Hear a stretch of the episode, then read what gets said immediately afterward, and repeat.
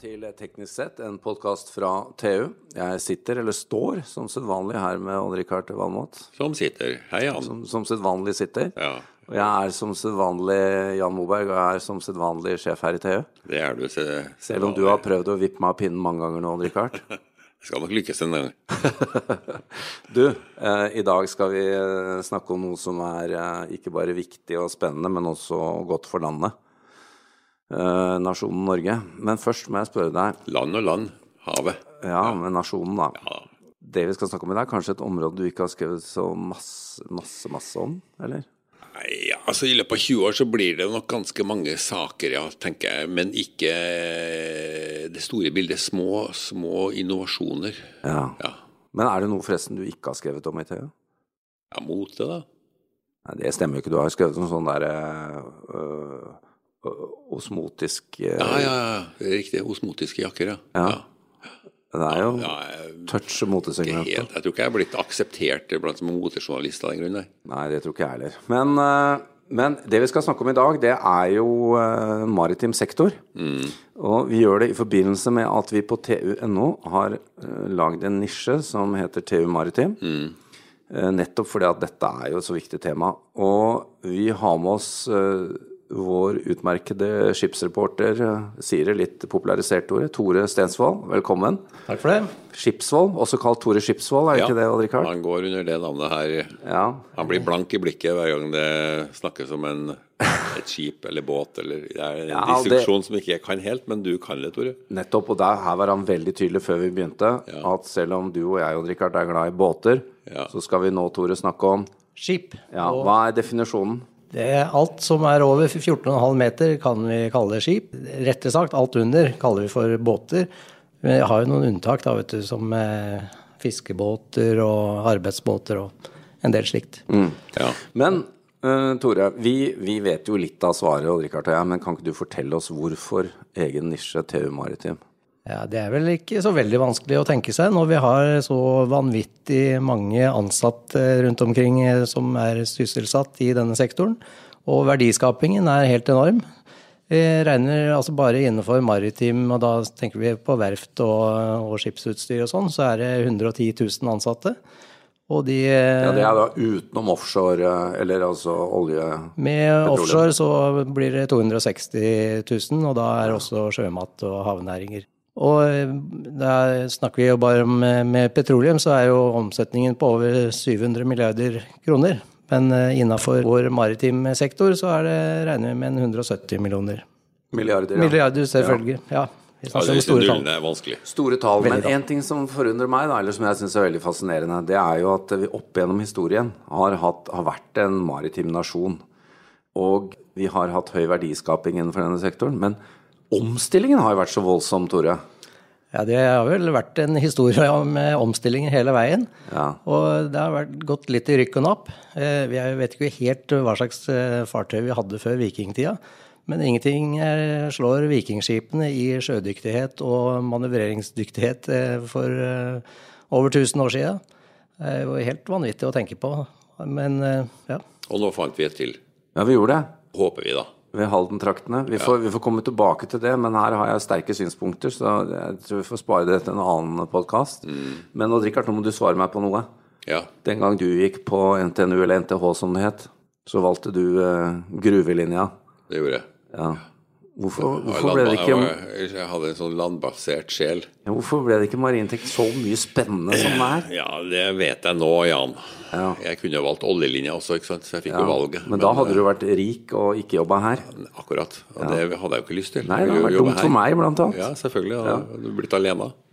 Tore, beklager, det ble et lite sidespor her. Men du har sett litt på vår posisjon gjennom tidene òg.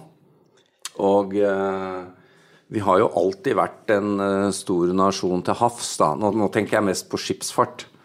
ja det, Eh, Men det har bølget litt fram og tilbake. Jeg skjønner hva du tenker på, for det var det jeg prøvde å innlede med i stad, inntil dere spora litt av.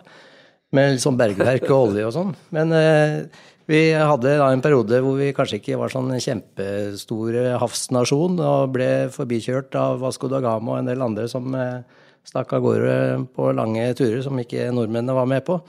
Men så seilskutetida på 1800-tallet, da er Norge med igjen. Da var vi konger, var vi ikke det? Ja, konger. 8, nei, 7% av verdensflåten var norsk, men ut ifra vår lille befolkning så var jo det ganske betydelig. Og så hadde vi en liten dupp igjen ned mot første verdenskrig. Og da drev vi fortsatt og seilte, mens andre begynte å køle på. Ja, vi kom litt sent i gang med kull, vi. Det skal vi kanskje være glad for i dag, Jan? Uh, var vi ikke i front? Ja, vi holdt oss til seilet. Miljøvennlig transport. vi, vi er stolt av uh, oldefedrene våre. Vi var veldig miljøvennlige, ja. ja. Men vi ble jo akterutseilt, da. Ja. Kan vi regne med de millionene med tonn vi sparte den gangen inn i dagens regnestykke, tror du? Uh, ja, det er nok et bidrag. Altså, det har jo akkumulert seg i atmosfæren her, men jeg tror det forsvinner litt. Ja, for da begynte vi med diesel etter hvert, og da ble vi ganske store på diesel. Ja. Så... Men toppen nådde vi på slutten av 60-tallet, har jeg skjønt? Ja, eh, da var vi helt oppe i 10% av verdensflåten, og det var nok de store For det, dette måles etter volum. Ja. Og vi var veldig store på store tankskip. Ja. Du hadde Reksten og Bergesen og, og den gjengen. Og de Tonnasje, rett og slett? Tonnasje, ja. Og det, mange tror at det har med vekt å gjøre, men det er snakk om volum. Displacement. Ja, da er det Dødvekton igjen. Hvor, hvor, ligger vi i dag da, sånn cirka? Nei, Da sier vi at vi er sånn rundt 4-5% i størrelse. Men hvis vi, og da er vi liksom nummer, nasjon nummer fem-seks på verdensrankingen. Ja. Men vi har jo funnet ut at det er en annen måte å måle på. Og det er verdien av skipene. Akkurat. Og da spretter vi et par plasser opp. Flåteverdi. Vi har, vi har, bedre skip enn de andre. Høyere kvalitet, mer spesialisert kanskje? Ja, bare tenk på alle de der fantastiske, avanserte skipene som er bygget på Vestlandet i løpet av de siste 20 åra. Det er skip med høye verdier.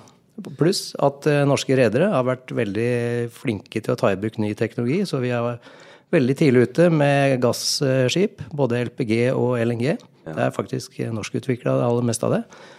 Og så er det kjemikalietankere og etter hvert en del andre spesialskip. Vi, vi er jo nå litt inne på, på skipsdelen, da. For å si TV Maritim kommer til også å omfatte offshore og havbruk og alt dette her. Ja, vi slenger oss på det populære begrepet ocean space, altså ocean havrommet. Space, ja. Så der er jo både fisk og biologi og men det er jo også veldig mye mineraler, Odd-Rikard? Det er det. Ja, i høyeste grad. Det har vi ikke starta stor utnyttelse til å tråle de store havdypene for uh, sånne manganknoller. Og ja. det er jo potensielt Da nærmer du deg ditt område? Da er vi back to basic igjen, ja. ja. Det er det. Nå var ikke jeg utdanna i, i, sånn dyphavstråling, men uh, det ligger jo et fantastisk uh, potensial her. Ja, Men vi må, jo, vi må jo, vurdere altså, miljøkonsekvensene av, av det her, da. Det var et godt innspill, Odd-Rikard, fordi eh, et, et, sentralt eh, poeng her nå i eh, den maritime næringen, Tore, er jo dette med bærekraftsmålene til FN. Ja, det er eh, veldig deilig å kunne si det, at Norge har vært tidlig ute her også. Og vi var vel lenge ute altså, Vi kan vel kanskje si at Gro Harlem Brundtland og hennes bærekraft er et sentralt begrep som Norge har jobbet med uten å egentlig være klar over at det var det vi gjorde. Det begynte med at vi skulle ha, prøve å bli kvitt gassen vår internt i Norge, da vi begynte å finne mye gass i Nordsjøen. Så vi prøvde å finne mange industrielle måter å bruke den på. Og da kom Stortinget med en bestilling på LNG i bruk i skipsfart. Er det mulig? Og Vegvesenet tok oppgaven og utlyste en konkurranse. Og i 2000, fem år etter at utlysningen kom, så fikk vi Glutra verdens første LNG-drevne ferge. Så Vegvesenet har jo en sentral rolle igjen? Det er eh, ja. ganske spennende, altså. Ja, Det rare er jo at de, de driver og bygger bruer som bare rakkeren. Men ja. samtidig så prøver de å få fram eh, de nyeste og kuleste og beste fergene som finnes. Ja, for da politikerne sa at nå vil vi ha nullutslippsferger, E39, for bare noen få år siden, så var det Vegvesenet som kom på banen igjen. Dette har vi snakket om før. Ja, det har vi gjort. Og nå er det full fart på hydrogen og, og batterier også. Ja, og da nok en gang så var det Vegvesenet som tok utfordringen og bestilte, eller satte, utlyste en utviklingskontrakt på en lavutslippsferge. Eh, Og da kom eh, industrien opp med en nullutslippsferge, batterifergen Ampere, som kom i drift i 2015. Men Tore, nå, nå snakker vi mye om eh, ditt favorittområde. Eh, det er jo også snakk om eh, havbruk. Fiske og havbruk. Det er jo mye mat i havet vårt. Ja, det er veldig mye. Og mer skal det bli. Ja, det vet jeg ikke om det blir noe mer, men det er et spørsmål om vi klarer å utnytte den og få den Ja, opp. altså Ambisjonene for, for oppdrettsnæringa er jo å femdoble. Eh, Da kommer man inn på sånne ting som hvor skal vi få fôret fra og sånn, men fôret kan, har jo kommet fra andre fiskeressurser. Men laksen i dag er jo mer og mer vegetarianer. Ja, men nå må ikke du rote til bildet her, Odd-Rikard. Vi snakker om, eh, om selvforsynt eh, Norge på mat. Det Ja. er vi jo ikke. Nei. Sau og kylling og Ja, du vet hva, Det der irriterer meg så grenseløst. Altså, når, når det snakkes på Stortinget om, om selvforsyningsgrad, Ja. Så påpeker altså landbruksorganisasjonene at vi er kritisk lave. ikke sant? Men de regner jo ikke inn fisken. Nei. Vi er jo overforsynt med mat i Norge. Det er mange fiskebønder òg.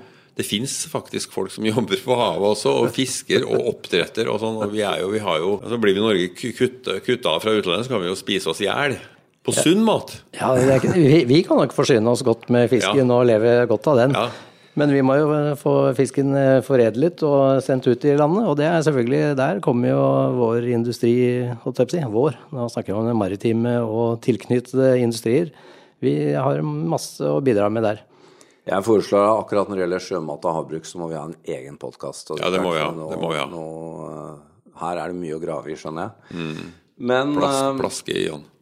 Mye å plaske, i, ja. Men eh, Tore, vi, vi må snakke litt, for at du var inne på, du var inne på der tidligere, om hva, hva faktisk som er skapt av den norske maritime næringen. Og det finnes jo en god del norske oppfinnelser, da, eller førstetrekk, i denne næringen. Ja, og det, det litt morsomme her er at det var en svenske som gjorde meg oppmerksom på at, eh, at hadde det ikke vært for nordmenn, så hadde det vært eh, veldig Fint i verden. Veldig kjedelig i verden. Hadde du ikke fått transportert alt det flotte du får transportert sjøveien i dag. Ja. Da hadde du kanskje bått med hest og kjerre over land, eller eller kanskje enda verre, med fossildrevne kjøretøy. Nei, faktisk eh, det morsomme er at vi var veldig tidlig ute med tankskip. Og det var disse her seilbåtene igjen, da. Eller seilskipene, får vi si. De frakta jo alt mulig flytende i tønner. Ja, og er ja. det noe særlig smart? Nei, det er mye Tenk, tenker du på akevitt? Eh, Akevitt, ja. Ja, ja. Ja. Det går jo fortsatt i tønner i kjølen Det på det. noen uh, linjeakevitt. Det, Det fins andre det. væsker enn gin og akevitt, drikkart. Ja, ubetydelige væsker, vil jeg si. Men det disse norske seilskipskapteinene fant ut, da, det var at hvis de kledde disse, disse eh, tankene innvendig, der hvor de først før hadde Lasterommene. eh, kledde dem med skinn og gjorde dem tette, så kunne de fylle veldig mye mer både akevitt og kanskje mer olje, tror jeg. da. Så vi var tankskipinnovatører? tankskip-innovatører. Absolutt. Det vi kanskje ikke kan ta noe ære av, er containerskip, men eh, vi var i hvert fall først ute med bilskip og Ja. roro-fartøy. Ja, det er jo spesielt at uh, norske rederier har jo fraktet mye av uh, verdens bilparker rundt om. Ja, og vi er jo fortsatt ganske store på det. Norske rederier, eller norskkontrollerte og delvis kontrollerte norske rederier. Hva med kjemikalieskip? Der var vi også veldig tidlig ute, og eh, det var eh, litt spesielle tanker som var årsaken der. Vi var gode på, på å bruke spesielle stållegeringer som tålte disse merkelige og farlige kjemikaliene som Ja, kunne ja, etse og, og ruste i stykker tanker i løpet av kort tid. Men der ble det utvikla tanker og sveisemetoder for å ordne opp i det. Og et annet område var malmskip og kombinasjonsskip. Nå har riktignok noen av dem gått ned ut på mystisk vis, og det er Berge Istra, var det vel? Ja, som, Bergistra, Berge Ja, Vanka. Det var to slike. Ja, det var det. Det var sannsynligvis gassdannelse. er vel teorien. det er det de, det de tror, ja. Så den, kombinasjons, Bergevanga. den kombinasjonen eh, av, eh, av malm og, og andre ting og olje, det var kanskje ikke noe god Nei. Nei, det er jo ingen tvil om at vi har vært en risikotakende nasjon når det kommer til det maritime. Ikke bare på å seile ut langt for å skaffe oss mat eller oppdage verden, men også på konstruksjoner, som dette er gode eksempler på. Mm. Men uh, vi er jo ikke ferdig med innovasjonslista av den grunn. Uh, Nei, den er lengre. Den tror jeg vi må lage en egen sak på en vakker dag. Så. Men vi kan nevne kjapt, da. Store åpne lasteluker. Hva kaller du det? Det er open hatch. Eget begrep. Ja. Der har vi noen borte i Bergen som er veldig gode på. Og så har jo uh, offshoresektoren gitt oss uh, skip innenfor både altså spesialisering, seismikk og tunge løft og diverse. Ja, har, ja tungløftskip er jo et spesielt segment. Der eh, begynte jo noen, noen tankredere som hadde litt for store skip og ikke noe å gjøre. De fikk bygget om til å kunne senkes ned. Og så fikk du svære konstruksjoner eh, inne på, på dekk. Som fløt inn på dekk, ja. Som fløt inn på dekk, og hadde ja. selvfølgelig senket ned dekk og forsterka konstruksjonen. Og så løfter du opp igjen og seiler langt av gårde til et annet sted hvor det er bruk for det. Eh, jeg tenker jo at eh, vi, vi kan ikke gå gjennom hele den lista, det skjønner jeg. Vi må nevne også norske eh, skaperkraften innenfor cruisefarten. Den har jo vært formidabel. Ja, det er også en litt morsom historie. Eh, altså det var ikke, Norge har jo ikke laget cruiseskip, det var ikke vår idé i utgangspunktet. Men eh, det var eh, noen amerikanere som eh, hadde hørt at Wilhelmsen hadde veldig mye penger.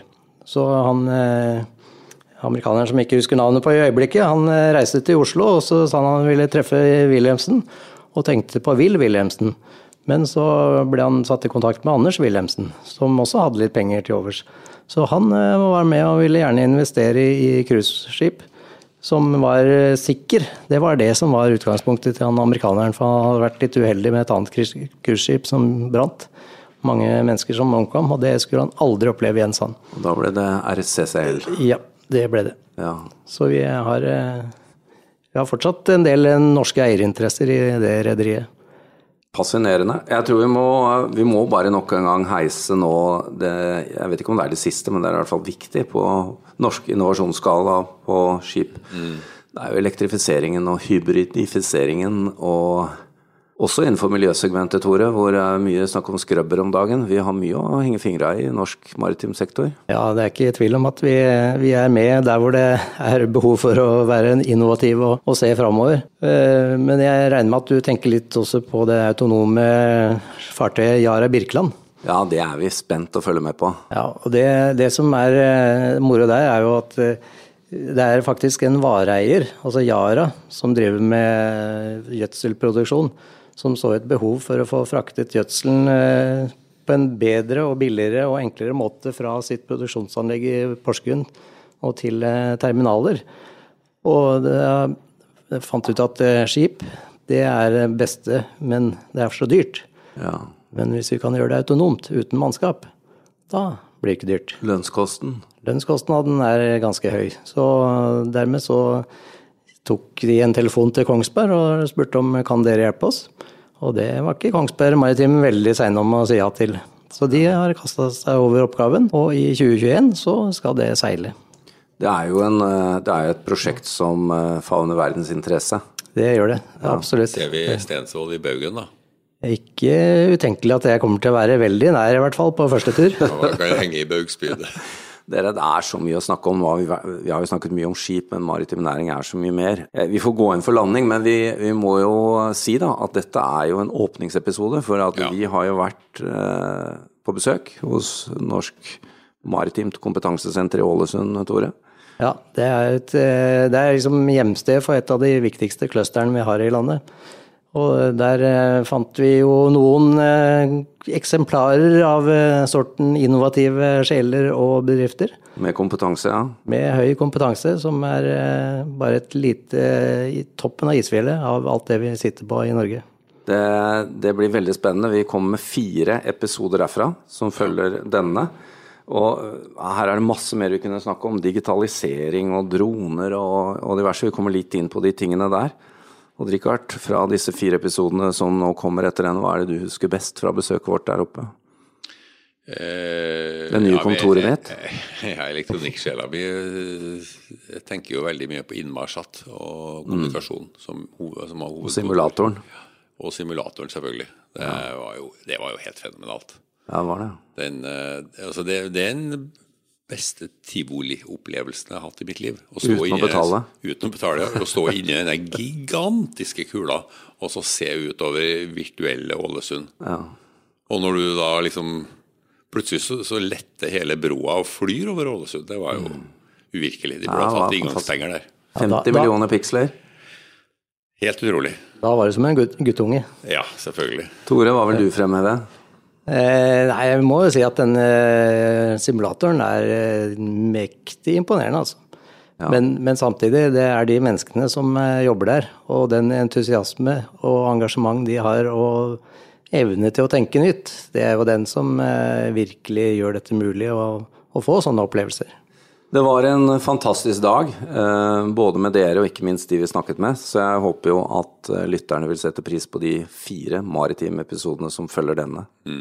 Tore og Richard, takk for nå. Vi kommer jo tilbake med mer, som alltid, gjør vi ikke det? Definitivt. Helt klart.